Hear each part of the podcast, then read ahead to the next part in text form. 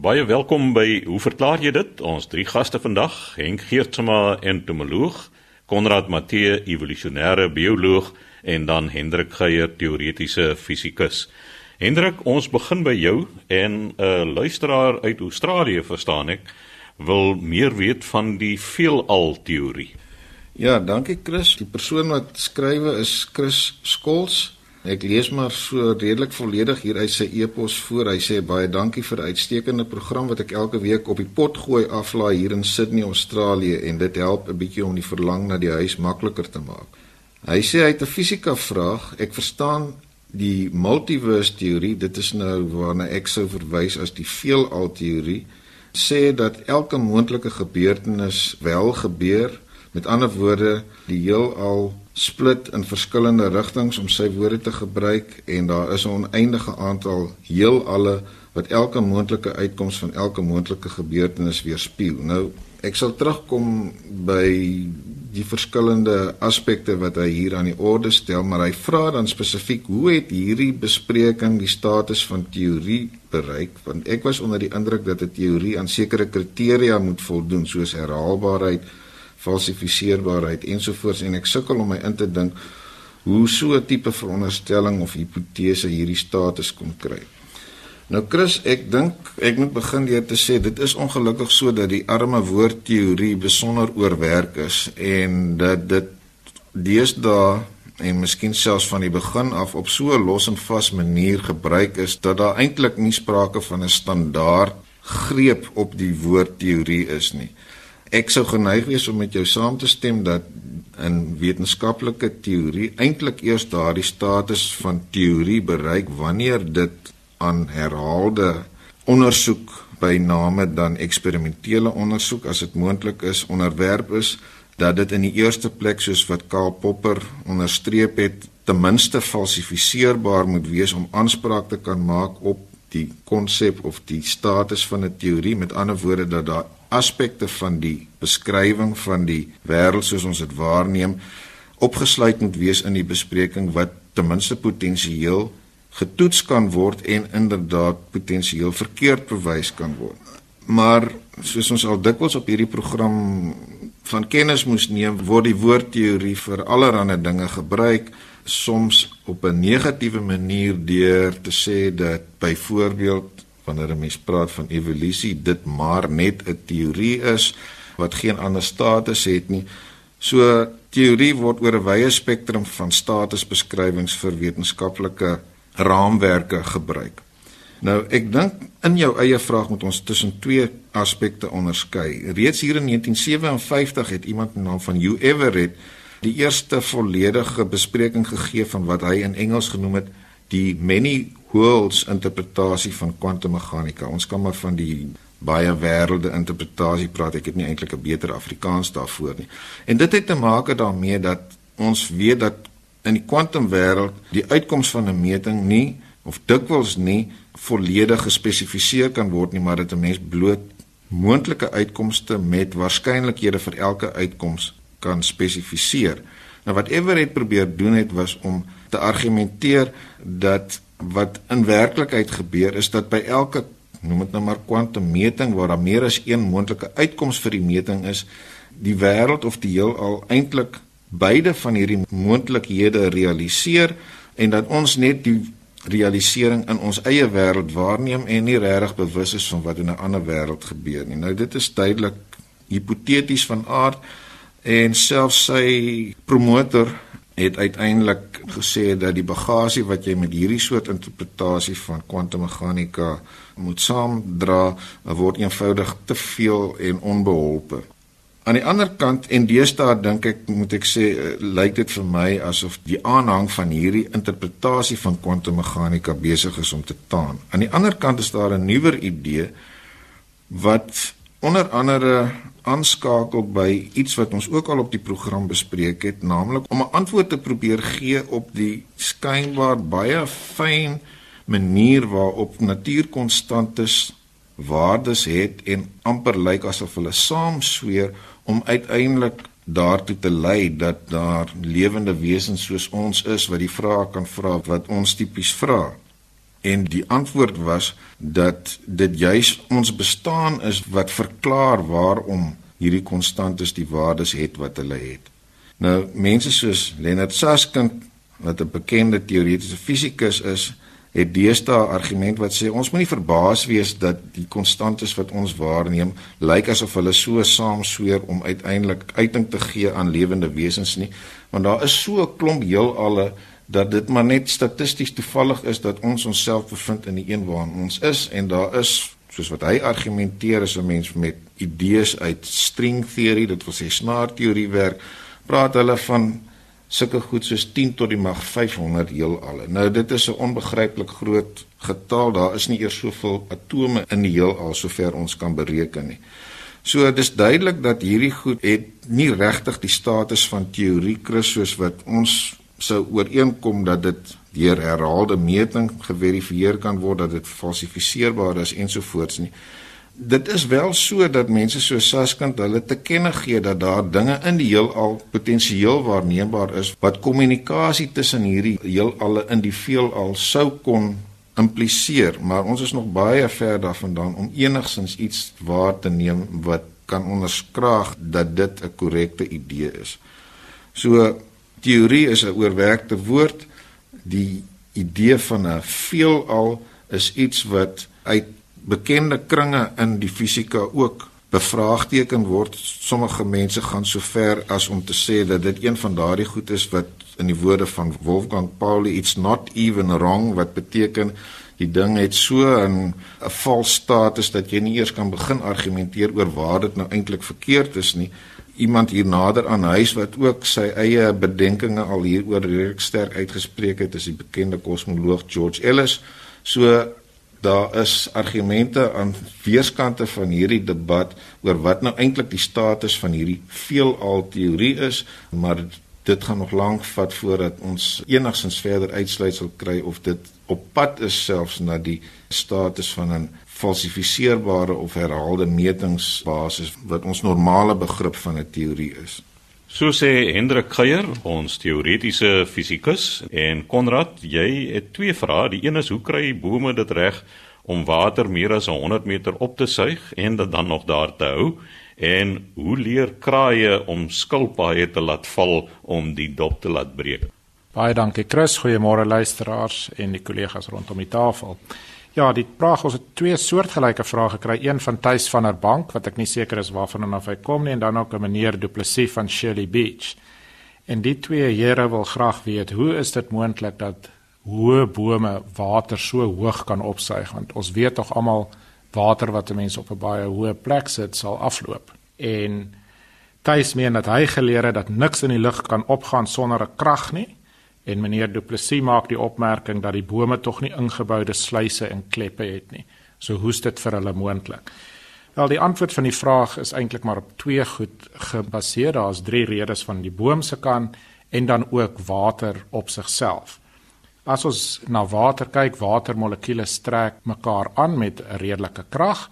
En dis ook partykeer hoekom ons sal sien as ons ons koffiekoppies vol maak, dan is die koffiekoppie amper voller as wat die koffiekoppie self is maar dit loop nog nie uit nie want die water trek mekaar aan.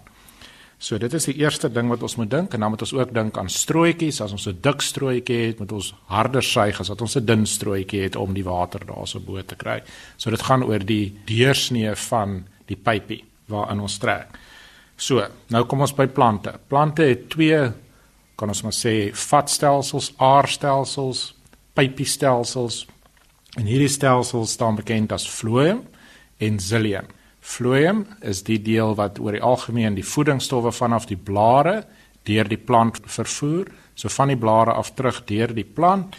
En xylium is oor die algemeen die stel pypies wat die vloeistof vanaf die wortels op vervoer na die blare, so meerendeels water. En om die vraag te antwoord gaan ons dus meerendeels fokus op die xylium wat verantwoordelik is om vanaf die wortels die water in die lug te kry en daar te kan hou. Nou hierdie xylium, as ons kyk, dis eintlik dooie weefsel, dit groei net heel in die begin. Die xylium is hierdie klein stelselpypies wat tot 15 cm lank kan wees in een struktuur binne hierdie groot bome en van ons plante wat laer is, dit natuurlik kleiner. maar daar's baie variasie tussen plantspesies oor hoe lank hierdie strootjies regtig is. So wat gebeur? In die eerste plek kry ons wat ons sal sê die xylium en die phloem stelsel in die boom is gekonnekteer met mekaar hoog in die blare ook. In die blare kry ons dan dat daar baie suikers vervaardig word deur die proses van fotosintese ensovoorts en dit veroorsaak dat die waterbalans tussen die phloem en die xylium nie dieselfde is nie. Nou met waterbalans praat ons eintlik van konsentrasies tussen die twee dele. So water beweeg altyd van 'n hoë konsentrasie na 'n lae konsentrasie. So wanneer ons baie suikers binne die het, sal die water inbeweeg. Wanneer ons baie suikers buite kan die het, sal die water uitbeweeg. En ons kan dit sien as ons goed in soutwater gooi, dan verrimpel dit makliker net as gevolg van die water wat dan uitbeweeg. So hoog bo in die boom, naby die blare, is daar met ander woorde 'n groot diferensiale verskil tussen die water wat opkom vanaf die grond en dan die baie suikers wat in die phloem is, so water beweeg vanaf die xylium na die phloem en dit veroorsaak 'n suigkrag. So die eerste strootjie word gesuig. Die tweede suigkrag wat plaasvind is as gevolg van die water wat deur die blare verdamp deur die huidmondjies. So ons noem dit evapotranspirasie en dit veroorsaak ook 'n suigkrag. Die water word opgesuig omdat dit verdamp aan die aan die bokant en dan die derde aspek in plante noem ons worteldruk. Net soos bo hoog in die boom binne die grond is daar minder opgeloste stowwe as binne die plant self. So water word geabsorbeer binne die wortels en dit veroorsaak ook worteldruk sodat die water bietjie opgedruk word binne die stam. Die interessantheid hier is ons weet dat daai suigkragte en paar drukkrag vanaf die wortels genoeg is dat wanneer ons 'n boom wat 200 meter hoog is, 'n gat inboor 'n half meter vanaf die grond, spuit die water nie uit nie, want die water kan nie terugloop nie. Daar's meer suig as wat daar drukking is. Dis as gevolg van die xylium wat in kompartementjies is en die waterdruk wat altyd 'n positiewe suigkrag op het. En dis die rede hoekom bome water in die lug kan hou. Die tweede vraag wat ek graag wil praat oor is van meneer Henny Greef. Nou hy leef in onrus in Hermanus en meneer Henny Greef is bietjie onrustig want sy dakteels breek.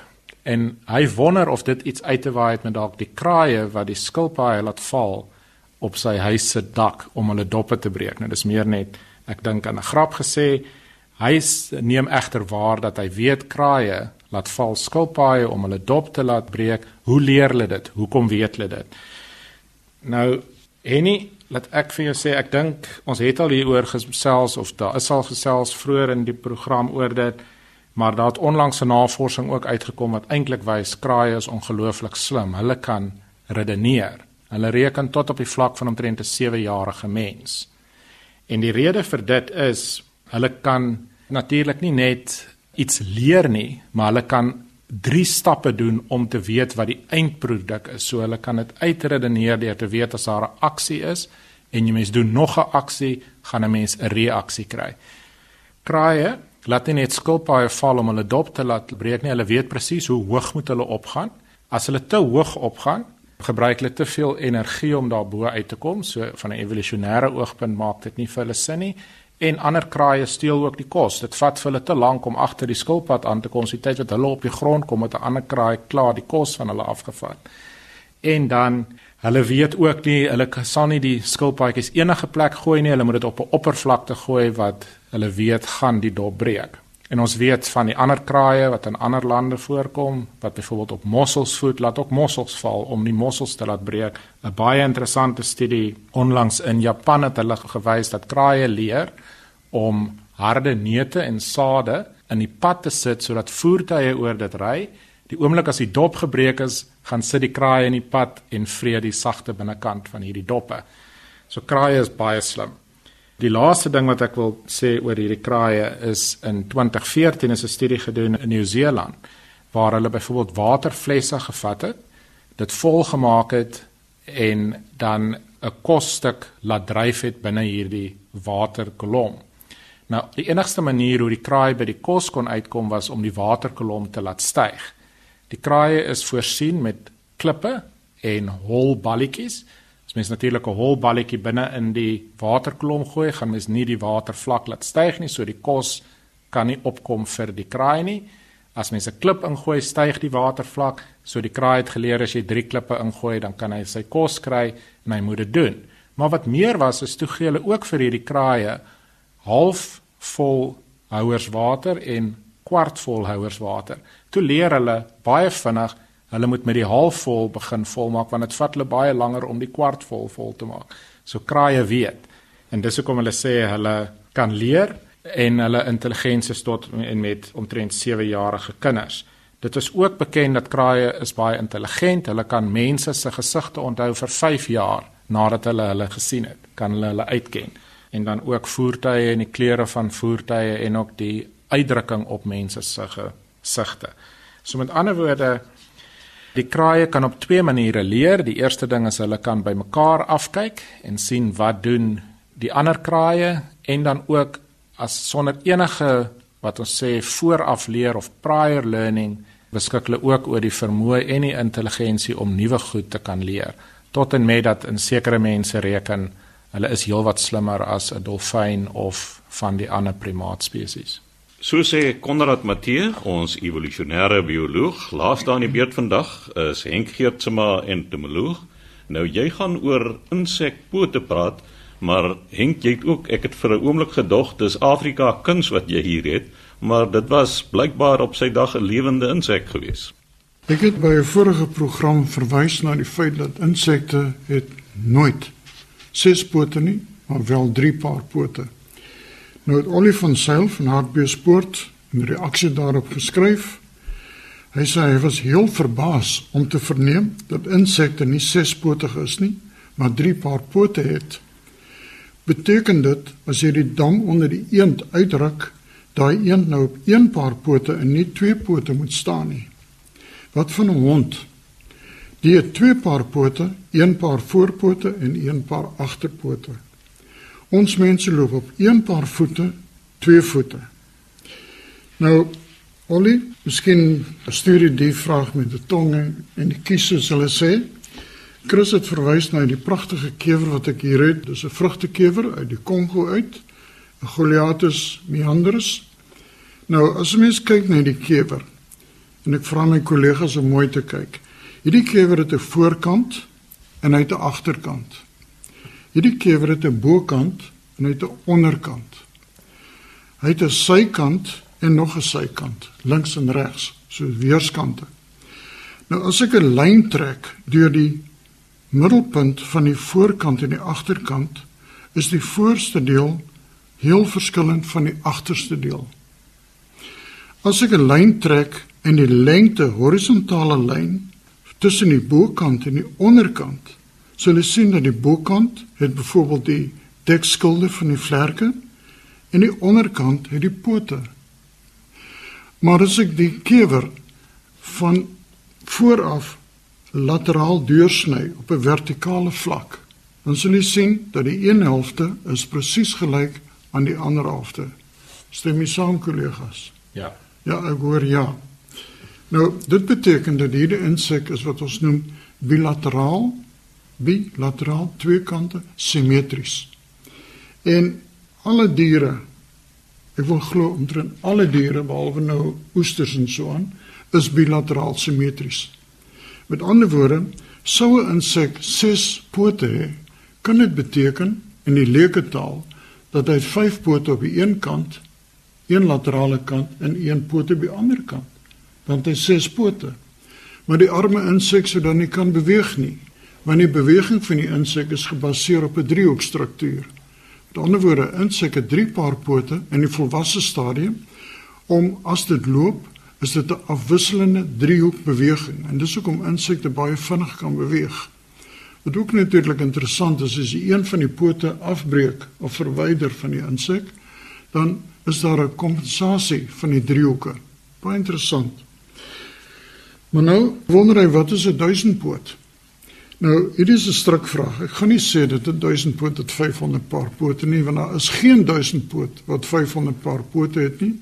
Die meeste wat hulle kan hê is 200 paar pote. Nou, die duisendpoot is natuurlik 'n tipiese volksnaam. En as ons 'n bietjie kyk na volksname van diere, ons kry 'n erdvlooi. Ek het in 'n vorige program verwys na erdvlooie. Niks met vlooie uit te waai nie, maar dis erdvlooie 'n heel ander groep diere. Ons het vuurvliegies wat eintlik kewers is. Met ander woorde die naam is totaal verkeerd en boonop hulle gee nie vuur af nie, hulle gee lig af en daar's 'n bietjie van 'n verskil tussen die twee. 'n Kameelperd. Dis mos nie 'n kameel gekruis met 'n perd nie. Ons praat van 'n seekoei, 'n tier, 'n muishond. Muishond is nie 'n muis en ook nie 'n hond nie. So met ander woorde, 'n naaldekoker is nog 'n goeie voorbeeld.